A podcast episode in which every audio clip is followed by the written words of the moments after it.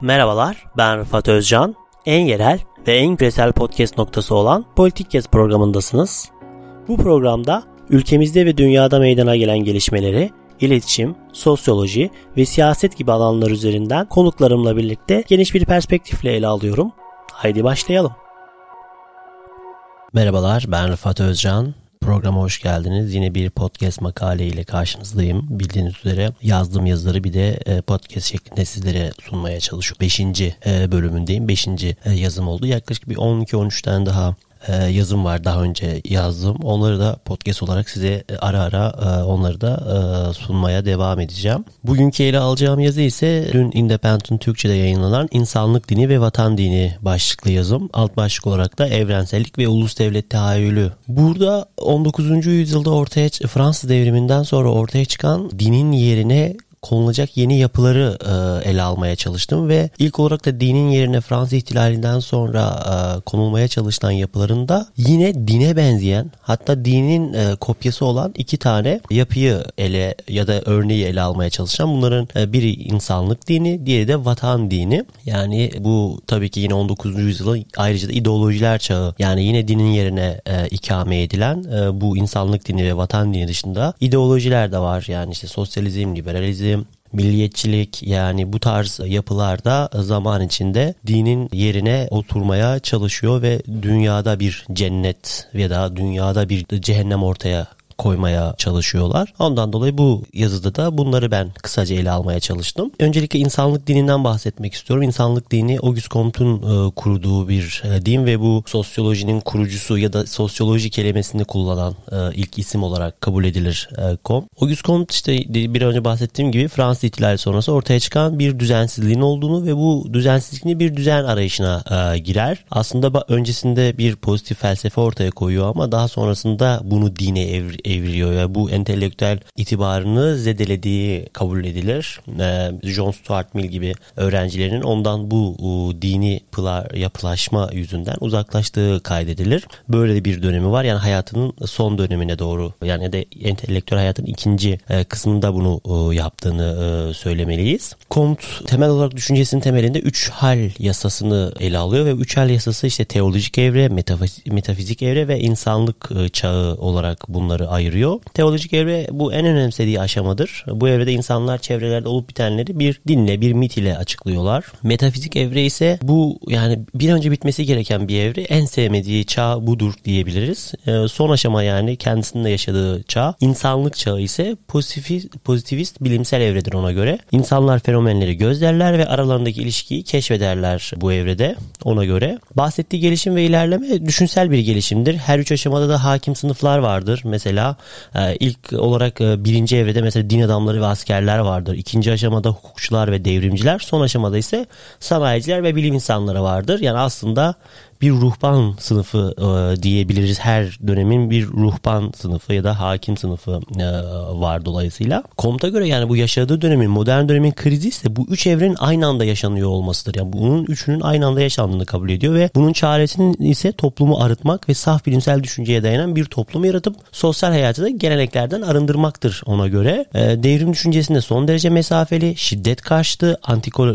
antikolonyalisttir kendisi genel olarak da ve ayrıca da İslam'ı e, olumlar. Yani bir, e, Batı dünyasına katkısından dolayı İslam'ı olumlar. Cezayir'den Fransızların çekileceğini ve bir gün çekilmezlerse de umarım e, Cezayirler onları kovar diyecektir ki 60'larda da bu yaşanıyor aslında De Gaulle döneminde. Marx bile bu dönemde Hindistan, İngiltere'nin Hindistan sömürgeleştirilmesi, sömürgeleştirmesine destek e, verdiğinde burada kaydetmemiz gerekiyor. Comte'un e, durduğu yer açısından. Comte genel olarak ulusal ve uluslararası bir düzen öngörüyor e, felsefesinde ve iki devlet kurulacaktır onun kehanetine göre ve bunun birinin merkezinin Paris, birinin de İstanbul olduğunu söylüyor. Burada da yani yine İslam'ı önemsediğini çıkarabiliriz. Yani İslam'ı dışlamadığını düşünebiliriz, söyleyebiliriz. Bir de tek dünya devleti var, kehaneti vardır. Eğer öyle olacaksa da bunun başkenti başkentinin İstanbul olacağını söyler. Bu kadar bir önem atfediyor kendisi. Bu doğrultuda yani fikrinin merkezinde düzen ve merkeziyetçilik var gene e, genellikle.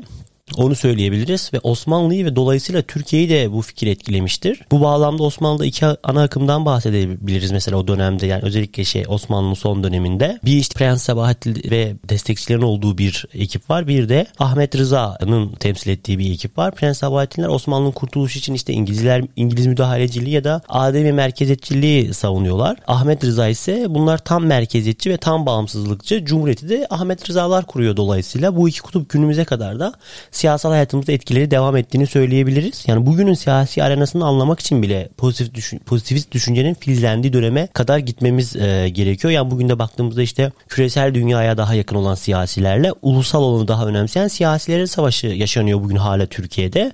Ve biz bunu dolayısıyla pozitivizme kadar götürebiliyoruz. Benim de e, söylemek istediğim bu. Jön Türklerin özellikle 1902 kongresi vardır Paris'te. Orada bu fikir ayrılığı net olarak ortaya çıkıyor ve e, Jön Türkler aslında tek bir yapıyken iki ana akıma oradan ayrılıyorlar ve o bugüne kadar geliyor. Bunu da başka bir yazıda ele almak istiyorum ayrıca. Pozitivizm temelde ilerleme fikrine dayanıyor ama bu ilerleme bir düzen ile beraber olmalıdır düzen ve ilerleme kavramları dünyada birçok e, siyasi oluşumu da etkiliyor. Mesela Osmanlı'da Fransız devriminin 100. yılında bu kavramlardan esinlenerek İttihat ve Teraki diye bir örgüt kuruluyor.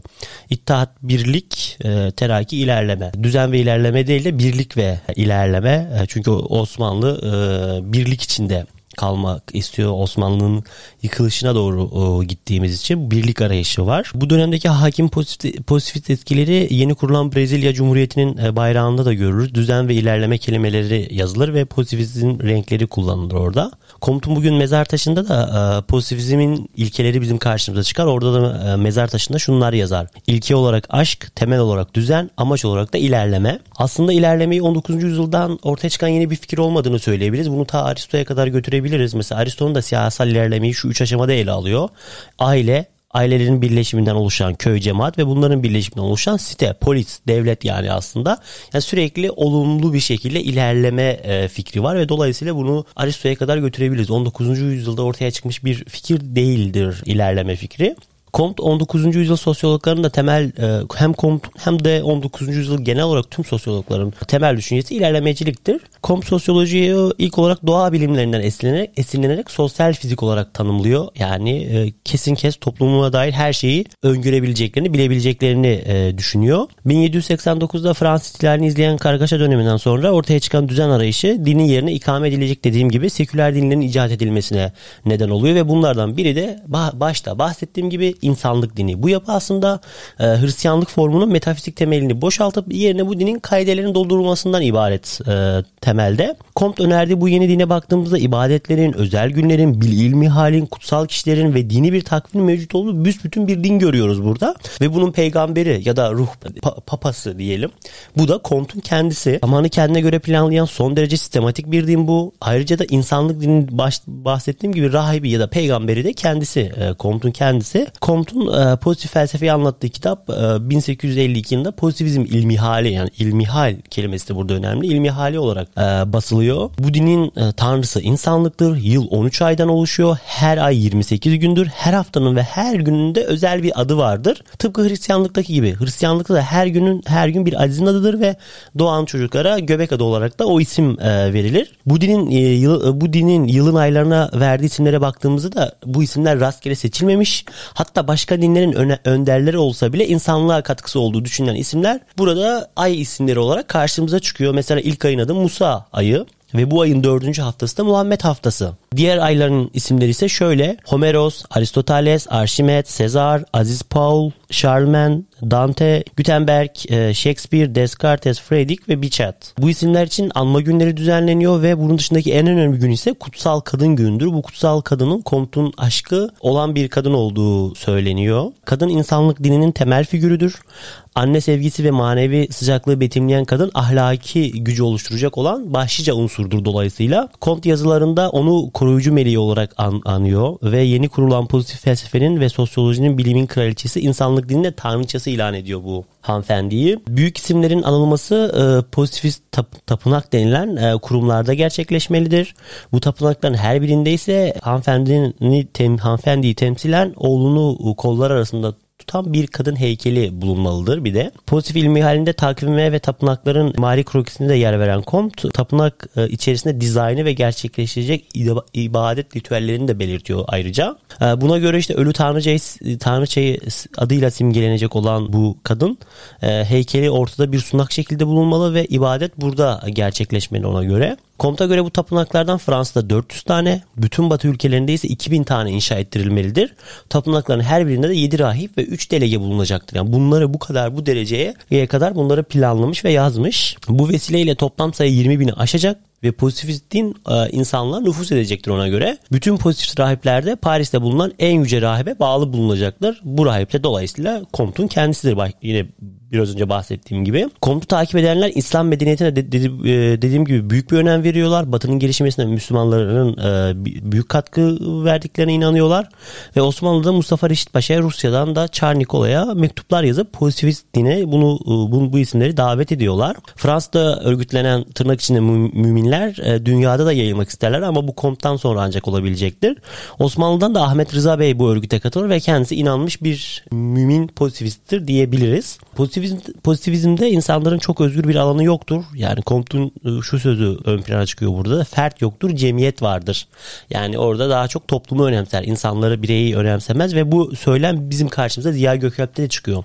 Hak yoktur, vazife vardır. Yine birey değil, e, toplum e, ön plana çıkarılır. Bu din akıl ya da hümanizm dini değil, insanlık dinidir ve tüm insanlığı da kapsamaz. Yani dünyaya bir eser bırakıp insanlığa örnek teşkil edecek biri olduğunuzda bu dine dahil olabilirsiniz. Diğer insanlar sadece gübre yapıcılardır. Temel ilkelerden biri şudur dolayısıyla herkes insanlığın çocuğu olarak doğar ama herkes onun kulu olamaz. E, Comte'un takvimine baktığımızda da bunu görürüz. İnsanlar merhale atlatmış isimleri oraya koyuyor. Hem hafta hem ay isimlerini. Cumhuriyet Üniversitesi'nden e, Yıldız Akbulat Hoca şöyle e, söylüyor mesela. Pozitivizm aynı zamanda üçüncü ahittir. Eski ahit e, Yahudilik ve yeni ahit Hristiyanlık ile ortak ilgesi ortak ilkesi başkasını e, sev düsturudur. Başkasını sevmek pozitivist ilmi halin e, temel ilkesidir. Bu ülke e, Durkheim'in ahlak ve altruist insan kavramlarıyla da örtüşür. Comte'a göre batının hastalığı zihinsel anarşidir. İnançlarda, fikirlerde birlik sağlanmadıkça toplumsal birlik ve düzen sağlanamayacaktır. O halde ilk elden yapılması gereken inançlar itibariyle zihinsel bir düzen getirmektir. Kant bu, temel, e, bu temeli epistemoloji ile inşa etmeye çalışmıştır. İşte Comte da bu çabanın içinde bilgiye bir sosyolojik temel bulmaya çalışır. Bu temel e, insanlık fikri fikridir. İnsanlık Katolikleri Tanrı'nın yerini alacak ve yeni düzenin garantörü olacaktır. Comte da ve e, Bonalt gibi Fransız muhafazakarlara hayran olarak Katolikliğin organik düzenine hayrandır. Yıldız Akbulut Hoca bunları söylüyor. İnsanlık dininin ibadetlerine baktığımızda da burada dediğim gibi temel ilkesi başkası için yaşamak olan bir din. Bu ve üç olguyu ön plana çıkarıyor. Aşk, düzen ve ilerleme. Bu da Hristiyanlıktaki testis, testis inancına karşılık geldiğini söyleyebiliriz. Aynı şekilde insanlık, gök ve dünya üçlemesi de e, mevcut. Ferdi olarak sabah mesainin ortasında ve yatmadan önce çeşitli ibadetler var. Üç tip e, kadın tasviri var ve bunlar da İslam'daki İslam tasavvufundaki e, rabıtaya benzer bir anlam yükleniyor bunlara ve bunlar bu süreci simgeliyorlar. Anne mesela geçmişi ve hürmeti temsil ediyor. Eş şimdiki zamanı ve sadakati. Kız çocuğu ise geleceği, sevgiyi ve iyiliği temsil ediyor ve buna e, göre ibadetler yapılıyor. E, tüm toplumun aynı anda yaptığı ibadetler de e, var. Bugünkü işte resmi törenler olarak bunları algılayabiliriz. vatana bağlılık ilan edilerek, edilerek ibadet edilir aslında. Pozitivizmin renkleri yeşil, sarı ve mavidir. İlkeleri ise düzen ve ilerlemedir dediğim gibi. Bu renklerin bu ülkelerin yer aldığı bayrakta bu yukarıda bahsettiğim gibi Brezilya bayrağında hem renkler hem de bu ilkeler e, vardır. E, düzen düzen derken kompta bu toplumsal statiye, ilerleme derken ise toplumsal dinamiğe e, bunlar karşılık gelir ve temel olarak da ihtilal fikrinin bitirilmesidir amacı komptun. Buradan insanlık dinini bitirip şimdi vatan dininden bahsetmek istiyorum. Vatan dinini Gohier adında biri 1792'de kuruyor hemen devrimden sonra ki devrimcilerin de 12 yürürlükte kalacak bir takvim oluşturduğunda burada hatırlatmak lazım. Yani vatan dinini kuruyor bu isim. Vatan Kilisesi var. Hayal edilen nihai bir amaç var. Bu ulustur yani bugüne baktığımızda. Bugünün resmi cenaze törenleri, resmi nikah, devlet törenleri, milli bayramların temeli de bu dindir diyebiliriz. Dini törenler, devlet törenleri ve milli bayramlar bu dinle e, bir şekilde ikame edilir. Enes Kabakçı hocamız e, şöyle söylüyor mesela bununla ilgili, vatan diniyle ilgili kendi e, sosyoloji kurmak kitabında. 18 yaşına basan erkeklerin askere alınması, 20 yaşına gelenlerin yurttaş listesine kayıt olması, evlenme ve düğün merasimleri, kısacası vatanın da din gibi kutsalları olacaktır. Her şey yurttaşa vatan için doğduğunu, onun için yaşaması ve ölmesi gerektiğini hatırlatacaktır. Vatan eskiden dinin yerine getirdiği işlevi yerine getirecektir diyor. E, Mitchell ise devrim hiçbir e, dini kabul etmez. Zira kendisi bizatihi bir din olduğunu söylüyor. Durkheim 1789'un yani Fransız ihtilalinin havarileri, şehitleri ve gazileri vardır diyor. Bugüne kadar gelen devrim şehitleri e, benzeri kullanımları da burada hatırlayabiliriz. Tocqueville ise yine 1789 için şunu söylüyor. Din ruhları terk etti ama yeri boş kalmadı. Fransız ihtilali kendisini evrensel olarak sunuyor dediğim gibi. Fransızları kendini evrensel bir din olarak dediğim gibi sunuyor. Devrim devrim de tüm insanlığa sesleniyor. Tıpkı diğer tüm dinler gibi. Yani Fransız tüm insanlığa sesleniyor ve bir din olarak e, dediği gibi bir önce kendisi bizatihi bir dindir. İnsanlık dininin evrensellik iddiası 19. yüzyılda en üst noktaya çıkmış ve e, modernleşme merhalesine işaret ediyor bu. Vatan dini de yine bu yüzyılda daha da fazla ortaya çıkan ulus devlete e, işaret ettiğini söyleyebiliriz. Bugün dünyasını etkileyen bu iki seküler din ortaya çıktığı dönemden itibaren dünyamızı şekillendirdiğini söyleyebiliriz. Yani insanlık dini tabii ki çok rağbet görmemiş ama yani ideolojik olarak, mantık olarak dinin yerine bir şeylerin ikame edilmesi gerektiği fikrini e, burada daha önemli benim için. Yani insanlık dininin de evrensellik iddiasında bu arada Avrupa merkezci olduğunda son olarak eklemek istiyorum. Burada e, podcast makaleyi iyi bitirmek istiyorum. Beşinci bölüm oldu dediğim gibi. Bundan sonra da diğer e, yazılarımda makale olarak bu şekilde podcast makale olarak size sunmaya devam edeceğim. Beni dinlediğiniz için teşekkürler. Kulağınız bizde olsun en yerel ve en küresel podcast programı Politik Kest'i dinlediniz. Bizi Spotify, Apple, Google Podcast üzerinden ve sosyal medya hesaplarımızdan takip etmeyi unutmayın. Yeni başlıklar ve konuklar için kulağınız bizde olsun.